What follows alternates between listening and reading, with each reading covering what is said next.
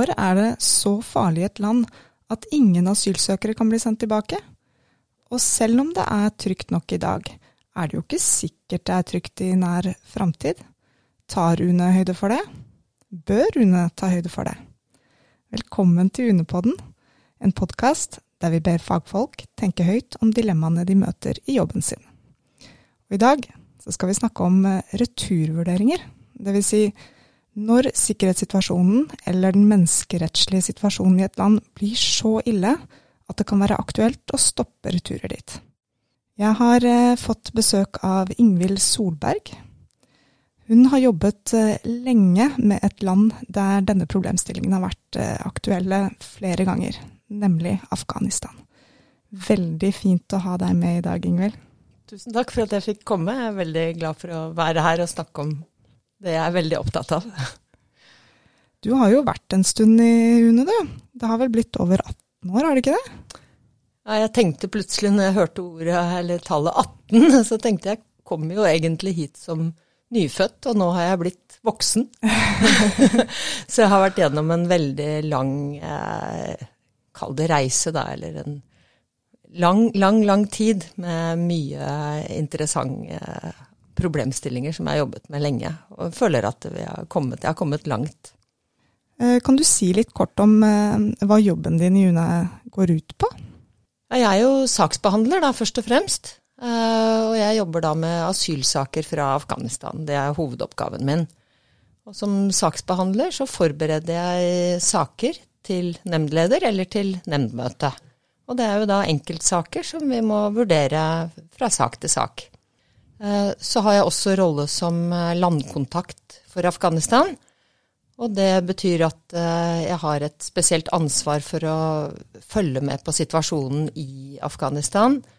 Og sørge for at UNE har oppdatert landinformasjon om situasjonen.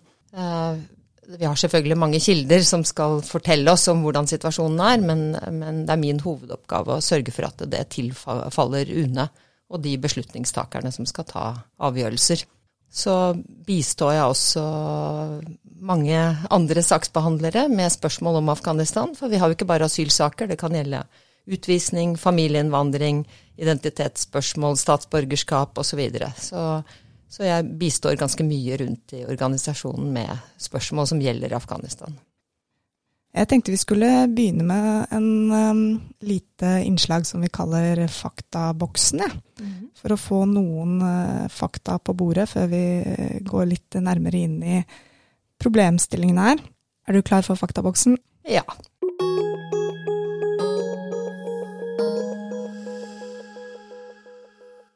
Hvem kan få beskyttelse, eller asyl som det også heter? Ja, da er det de som i utgangspunktet, de som fyller vilkårene etter flyktningkonvensjonen, og som også er tatt inn i norsk utlendingslov. Og da er det de som risikerer forfølgelse av bestemte grunner, f.eks. religion, etnisitet eller politisk oppfatning. Og så har også Norge en egen subsidiær eh, beskyttelseskategori, og det er da de som kan risikere å bli utsatt for umenneskelig behandling eller nedverdigende behandling Eh, av andre grunner enn de som står i flyktningkonvensjonen. Kan man få beskyttelse eller asyl fordi det er for farlig i et land? Ja, det kan man jo. Eh, hvis det er sånn at eh, situasjonen i det landet er, er sånn at man eh, kan risikere å bli drept bare fordi man er der, eh, så kan man få beskyttelse av den grunn. Og hvis ikke det da finnes eh, trygge steder, andre steder i det samme landet. Når er det det blir så farlig i et land at uh, ingen asylsøkere blir returnert? Ja, det er, et, det er et, vanskelig spørsmål.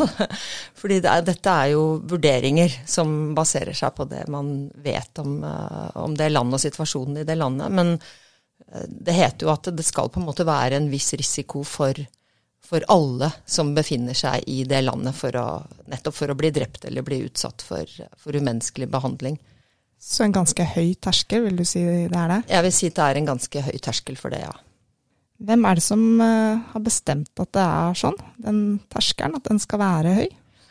Her er det for så vidt mange, mange inne i bildet, men kan du begynne med altså Utlendingsloven sier jo noe om dette. Eh, men det baserer seg igjen på, på, det som Den europeiske menneskerettighetsdomstolen har bestemt, hvor de har vurdert eh, saker fra land hvor det har f.eks. Syria og Afghanistan og, og og andre land. Og så har vi jo her i UNE har vi jo stornemnda, som eh, bestemmer hvordan UNE ser på dette her, og da baserer man seg på disse internasjonale kildene og utlendingsloven. Vet du hvor mange land eller områder i land eh, at UNE per i dag har bestemt at ikke det skal returneres asylsøkere til?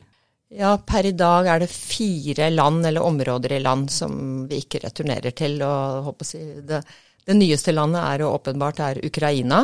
Og så er det Jemen og deler av eh, Libya. Og så er det Syria. Og Syria har vi jo ikke returnert noen til siden 2011, altså siden krigen brøt ut i Syria. Når vi snakker om returstopp, hva snakker vi om da? Hva er returstopp?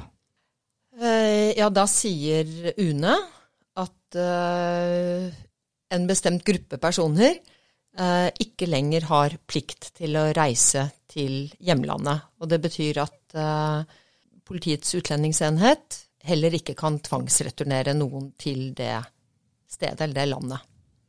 Hvis UNE stanser returer til et land, får de den returstoppen gjelder, får de da automatisk en oppholdstillatelse i Norge? Nei, ikke nødvendigvis. Og dette er kanskje et litt lengre svar på det spørsmålet. Det men uh, ofte samtidig med returstopp så skjer det gjerne en berostillelse av sakene. Og dette er to forskjellige ting. Så som jeg sier, Syria var det jo en returstopp til, men vi har jo fortsatt å behandle Syria-saker, så man kan ikke stoppe saksbehandlingen uh, veldig lenge. Men returstopp kan jo vare veldig lenge.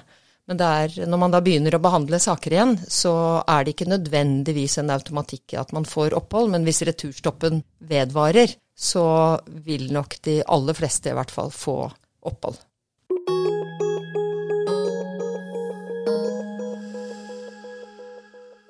Jeg begynner eh, rett Eh, på sak, jeg. Mm. I august så var det jo et år siden Taliban overtok makten i Afghanistan. Og i kaoset som fulgte, så bestemte UNE, altså vi, at ingen skulle sendes tilbake. Og når det skjer en sånn løpende utvikling i et eh, land, på hvilket tidspunkt er det det blir riktig å, å stoppe returer? Og eh, burde, kan jeg si det, burde dere ha sett det komme? Burde dere ha tatt den returstoppen eh, tidligere?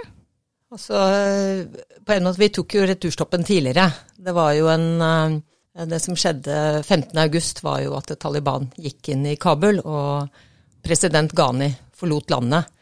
Men uh, returstoppen var jo 21.07. Det var da vi stoppet sakene, og da hadde det jo vært en en utvikling i Afghanistan fra begynnelsen av mai, egentlig. Hvor uh, det hadde jo da vært 20 år med konflikt, men da tok uh, konfliktnivået seg opp fra mai. Og så fortsatte det å gå opp utover i juni. Det var, det var ingen som ble returnert uh, til Afghanistan. Jeg tror den siste returen som politiet foretok, gikk i juli. Altså tidlig, veldig tidlig i juli. Eh, men vi eh, tok da returstoppen i 21.07. Eh, og da var det jo på bakgrunn av den, den eskaleringen av konfliktnivået som var. Um, så allerede men, før Taliban overtok eh, i august, så hadde, det, hadde UNE stanset returene? Ja, så det var jo da nesten en måned før. Og det er jo alltid lett å se på ting i ettertid og si at dette burde man forstått hva som ville skje. Men uh, jeg tror egentlig ingen hadde tenkt det som, det som, skjedde, var vel ikke Det var klart Taliban overtok makten, men det, det, det som egentlig skjedde, var jo at det forrige regimet falt. Uh, så hvis ikke det forrige regimet hadde falt, så hadde ikke Taliban kunnet overta. Og jeg tror ingen hadde forventet at presidenten skulle sette seg på et fly og reise fra, fra hovedstaden uten varsel. Så, men man så jo hvordan eh, det var veldig lite lojalitet, og det var ingen legitimitet igjen egentlig i, eh, i myndighetsapparatet og i sikkerhetsstyrkene. Fordi det var jo et, et regime som var i ferd med å kollapse, og, og som var gjennomkorrupt. Som landkontakt så fulgte jo du helt sikkert eh, hele den utviklingen veldig, veldig nøye. Mm. Når er det utviklingen var sånn at eh, du tenkte nå, nå må vi begynne å røre på oss og, og begynne å snakke om mulig returstopp her? Vi begynte jo å tenke på det eh, jeg vil si utover i juni. Eh, vi fulgte jo veldig nøye med på, på alt som kom av rapporter om hva som skjedde rundt i landet. Og som jeg sier, konflikt, konfliktnivået økte jevnt og trutt. Eh, og når det kom til begynnelsen av juli, det var da vi på en måte begynte å sette i gang og, og vurdere alvorlig. Det er jo en prosess å si at vi skal stoppe returene. Hvis ikke det er en sånn som det var i Ukraina, altså fra den ene dagen til den andre så er det krig.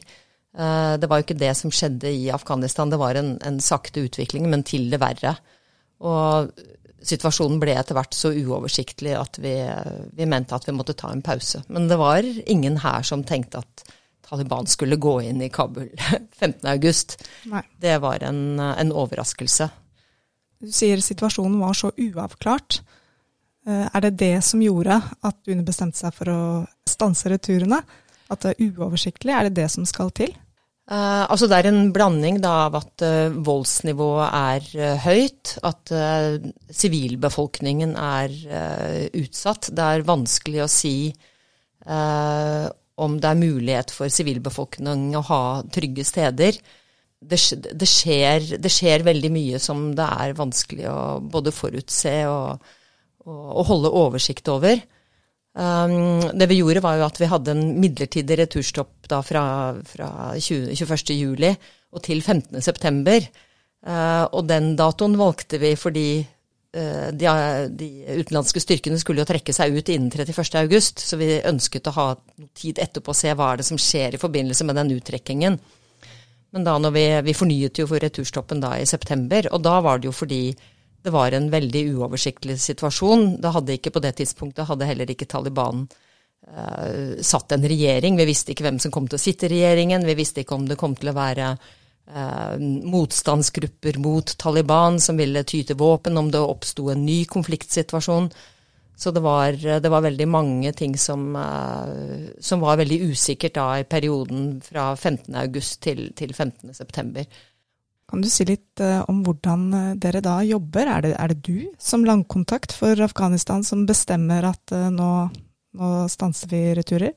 Nei, dette er, si, det er direktøren i UNE som tar den avgjørelsen på, på returstopp.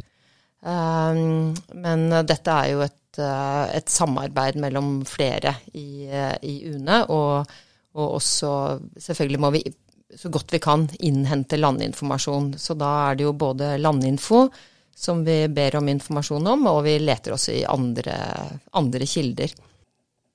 Eh, Afghanistan. Eh, du har jobbet lenge med Afghanistan, og, og, problemstillingen med å skal vi stanse returer eller ikke, har jo vært oppe før. Så hvis jeg sier eh, sommeren 2006 eh, eller sommeren 2007, er, forbinder du det med sånn typiske sommerminner som, eh, som havet og ligge på stranda, Ingvild, eller hva, hva tenker du nå? Nei, da tenker jeg at jeg Det var to somre hvor jeg var på jobb omtrent 24 timer i døgnet. I 2006 så var det altså det, Dette er jo en lang historie, jeg skal ikke dra den nå, men det var, har jo vært mye, eh, mye fokus rundt Afghanistan lenge. Eh, bare for å ta det, I 2005 så ble det skrevet under en returavtale, en såkalt trepartsavtale mellom norske og afghanske myndigheter og FNs høykommissær for flyktninger, UNHCR, om retur av, tvangsretur av afghanere. Eh, så i 2006 så ble de første returene satt i gang. Og det medførte en sultestreik blant afghanere, afghanske asylsøkere i Norge. Uh, de sultestreiket nesten en hel måned for å, uh, i protest mot returer til, til, landet, og mente at det var for farlig. Da var jo UNE i Vi måtte jo svare på mange, mange, mange spørsmål rundt det. Og utover høsten 2006 så begynte vi å vurdere om vi skulle Det er ikke riktig å si stoppe returer, men om vi skulle gjøre endringer i hvordan vi så på returvurderingene. Eh, som jeg sa, vi laget en returavtale, eller det var Norge hadde en returavtale om retur av afghanere. Eh, og at, en av grunnene til at UNHCR var inne i den, var at de hadde fra 2005 begynt å selv gjøre vurderinger av det de kalte for trygge og utrygge områder i Afghanistan. Så UNHCR mente at eh, man kunne returnere afghanere til de trygge områdene, men ikke returnere dem til de utrygge områdene. Og Samtidig så mente de at hvis du var fra et utrygt område, så kunne du ikke returnere personen til et annet trygt område, f.eks. til Kabul. Uh, og dette her ble et tema i UNE utover høsten 2006 og, og våren 2007. Eh, og våren 2007 så ble det holdt stornemnd i UNE hvor dette spørsmålet kom på spissen. Altså kunne man returnere en afghaner som opprinnelig var fra et utrygt sted, kunne man returnere vedkommende til et trygt sted, f.eks. Kabul. Og stornemnd, eh, hvilken betydning er det et vedtak fra en stornemnd Eh, har, i motsetning til en vanlig nemnd. En stornemnd vil ha, det som er resultatet derfra, vil ha presedensvirkninger. Eh, da vil stornemnda, som da består av tre nemndledere og fire nemndmedlemmer, eh, vil kunne uttale seg om prinsipielle spørsmål som vil ha betydning for tilsvarende saker senere. Så her ble det stornemnda her kom til at man kunne ikke returnere heller ikke unge, friske menn fra et utrygt område til f.eks. Kabul.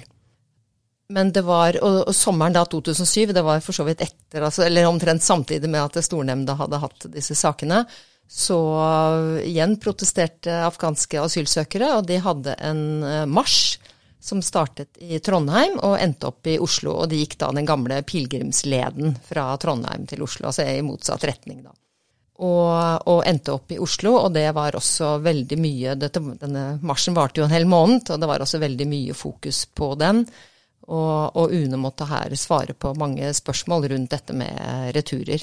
Kan du si at jeg gjorde et lite oppslag i medieovervåkningsverktøyet vårt.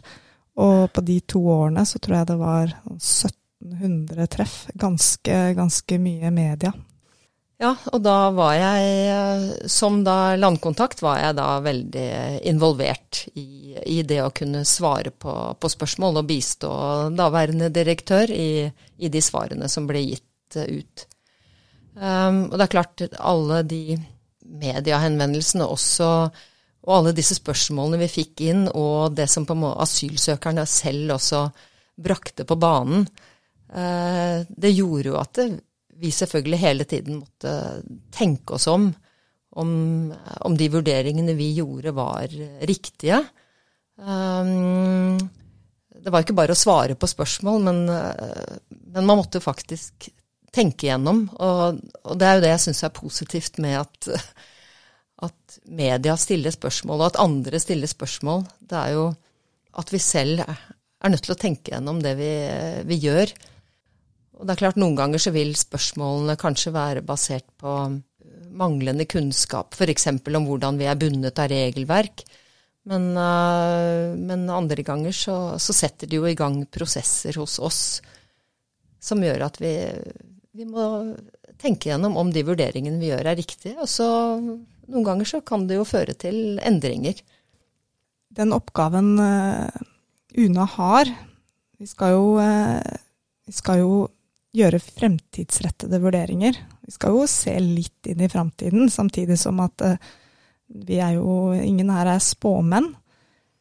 Kan du si litt om uh, hvordan tenker dere når dere skal uh, vurdere, vurdere enkeltsakene, da?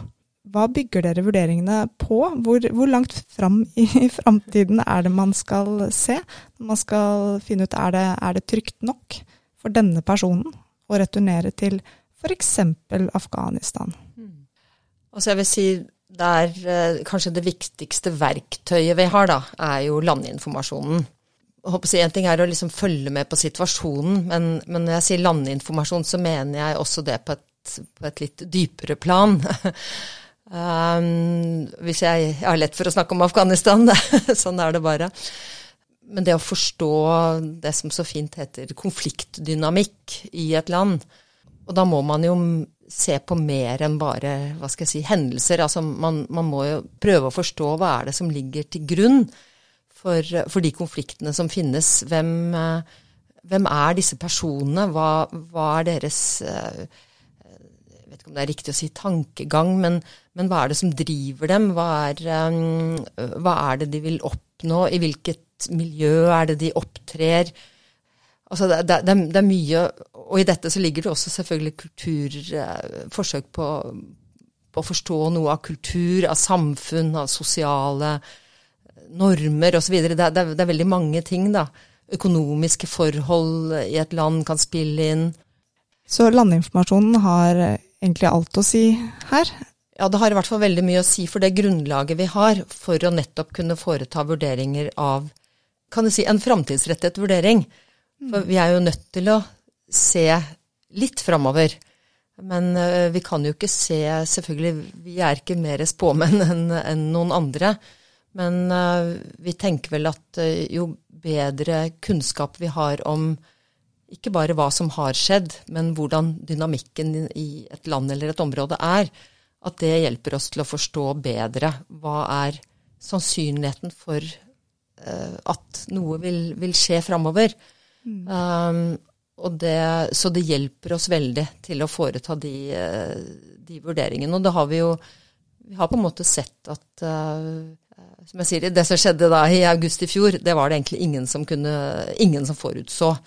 Men, uh, men vi har vel opplevd tidligere at det at vi har fulgt med så godt og hatt så god forståelse, at det har hjulpet oss til å, at de returvurderingene vi har gjort tidligere, har vært riktige i et, et, et framtidsrettet perspektiv, så langt som vi, vi, tenker at vi har kunnet se. da. Du sa jo tidligere her at uh, terskelen for å gi uh, tillatelse pga. sikkerhetssituasjonen i et land, at den er, den er, høy.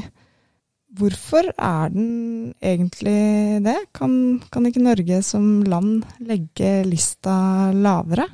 Jo, vi kan vi kan det. Eh, det som, det som eh, Den europeiske menneskerettighetsdomstolen har satt opp som, eh, som, en grense, det er jo på en måte en, en absolutt grense. Og alle land er jo fritt til å kunne vurdere det annerledes og gi tillatelse selv om man ikke når opp til den terskelen. Og det er jo enkelte land som, som nok gjør det i større grad enn det Norge gjør politikerne har laget utlendingsloven eh, sånn som den er. Og, og, sånn som den er utformet, eh, og sånn som den har blitt tolket både i rettsapparatet her og i UNEs stornemnder, så, så, har man kommet til at man skal Man legger terskelen forholdsvis nært det som EMD, eh, e altså Menneskerettighetsdomstolen, sier.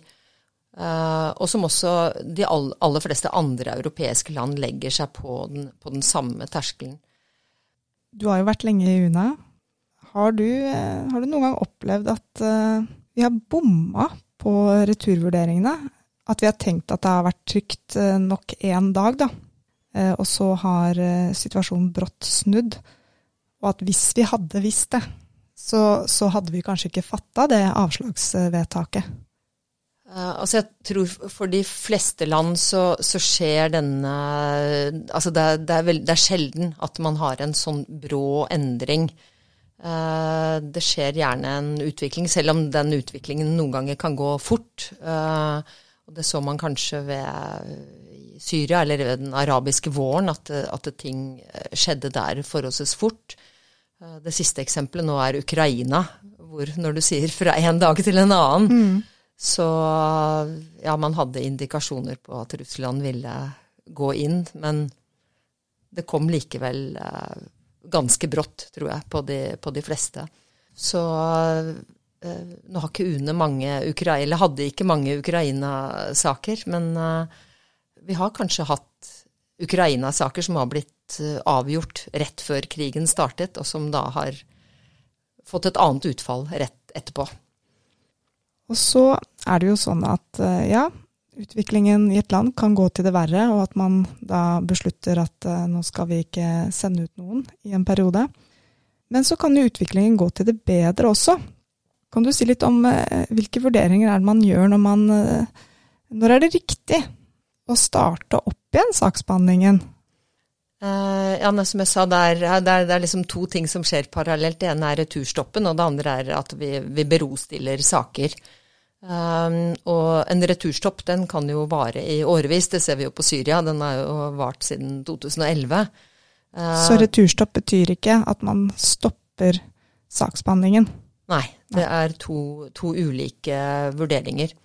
Uh, og vi kan ikke stille saker i bero uh, over veldig lang tid.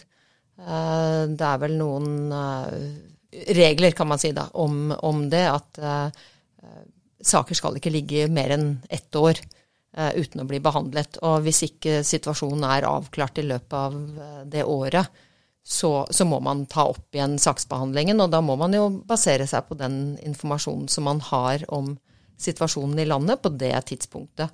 Og det kan jo være at det enten er det fortsatt krig, sånn som det har vært i Syria, uh, eller det er fortsatt veldig usikkert man vet ikke hva som, hva som, vil skje videre, og da må man ta det med i betraktningen når man behandler sakene. Eller som du sier, kan situasjonen ha blitt til det bedre? Har det blitt en avklart situasjon? Uh, og når det gjelder, hvis jeg kommer tilbake til Afghanistan, da, så, så, uh, så har det i hvert fall Nå har vi mye bedre landinformasjon. Da vi vi tok jo opp saksbehandlingen eh, før vi, eh, før vi opphevet returstoppen. Og da mente vi at nå har vi såpass mye informasjon at det er mulig å behandle sakene. Og det betyr jo ikke at nå er det fritt fram for å returnere alle. Men jeg vil si det siste halvåret nå har vi jo fått betydelig mye mer informasjon om både når det gjelder menneskerettighetssituasjonen, eh, den generelle sikkerhetssituasjonen, eh, den humanitære situasjonen. Eh, så det er mange ting som er mer avklart. Så som jeg sier, Det betyr ikke at nå er det fritt fram for returer, men nå gjør vi individuelle vurderinger av hver enkelt person. Mm. Ser du noen dilemmaer på dette temaet her, altså returvurderinger? Det er jo nyansert, og så er det, det er jo én ting det er Jeg tror noe som kanskje ute i offentligheten kan eh, føles eh, vanskelig med å forstå det som gjøres her, det er at eh, hva skal jeg si, hver enkelts subjektive opplevelse av hva som er trygt og utrygt, det vil være annerledes enn det som vil være trygt og utrygt etter uh, utlendingsloven og i de returvurderingene vi gjør. Altså, det er vel mange som vil si at de, de føler seg utrygge hvis de går i Oslo sentrum uh, etter, uh, altså på, om natta. Det er jo ikke noe som Altså, den, den følelsen av utrygghet for, for, hver enkelt person vil være noe annet enn en det som vi er forpliktet til å vurdere da, som hva som er, er utrygt. Og det som jeg sier, vi har snakket om, her er terskelen er høy, og det, det, er det nok eh, mange som også reagerer på, at terskelen er så, så høy, da. De sakene som, eh, som skal i nemndmøter, der det er tvil om resultatet, hvilket handlingsrom er det nemndmedlemmene og nemndleder for så vidt òg, da. Eh, hvilket handlingsrom er det de har i sakene, og hva, hva, er det, man bør se på, sånn helt konkret, når man skal vurdere retur, da? Uh, selvfølgelig nemndleder og nemndmedlemmene er jo bundet av regelverket på samme måte som det uh, Altså UD er bundet av regelverket, og nemnd, uh, nemndmedlemmene er jo en del, av, en del av UNE som tar beslutninger. Det er klart er i, i, mange saker så vil La oss si det er en sak som handler om troverdighet. Det vil jo være en skjønnsvurdering eh, om man tror på en forklaring eller ikke, og det kan ha betydning for resultatet. Og, og hvis det er humanitære vurderinger som skal gjøres, så er jo skjønnsrommet eh, større enn det det er når det gjelder beskyttelse. Så, men nemndmedlemmene har hva skal jeg si, det samme handlingsrommet som det, som det nemndledere som beslutningstakere har. Vi nærmer oss uh, slutten her. Det er jo Afghanistan-saker. Afghanere som har saker til behandling hos UNE nå. Og til de som kanskje hjelper dem da, i de sakene, advokater eller rettshjelpere eller, uh, eller naboen, naboen deres. Uh, hva hva er det aller viktigste, hvis du skal gi dem ett råd, hva er det viktigste at kommer fram i deres uh, saker? Jeg vil helt klart si det er deres individuelle situasjon. Vi kjenner nå ganske godt til situasjonen i Afghanistan. Uh, deres, deres, personlige historie. Uh, det er det viktigste. Og så har jeg et veldig sterkt ønske om at noen ganger så tenker vi at vi kanskje ikke får all den informasjonen vi trenger. Noen er tilbakeholdne med å gi informasjon. Og noen ganger så, så tror jeg kanskje det er eh, misforstått fra den andre siden. At de ikke ønsker å gi all, all, informasjon fordi de tror det vil ha negativ innvirkning på saken. Men eh, jeg vil si at i de aller, aller fleste tilfellene så har det en positiv innvirkning at eh, man forteller om ting akkurat sånn som de er er ærlige og forteller om sin egen historie. Det var det for denne gang. Har du som lytter innspill til temaer eller tilbakemeldinger, ja, da vil jeg veldig gjerne høre fra deg. Du kan skrive en mail til podkast. Ha det godt, da.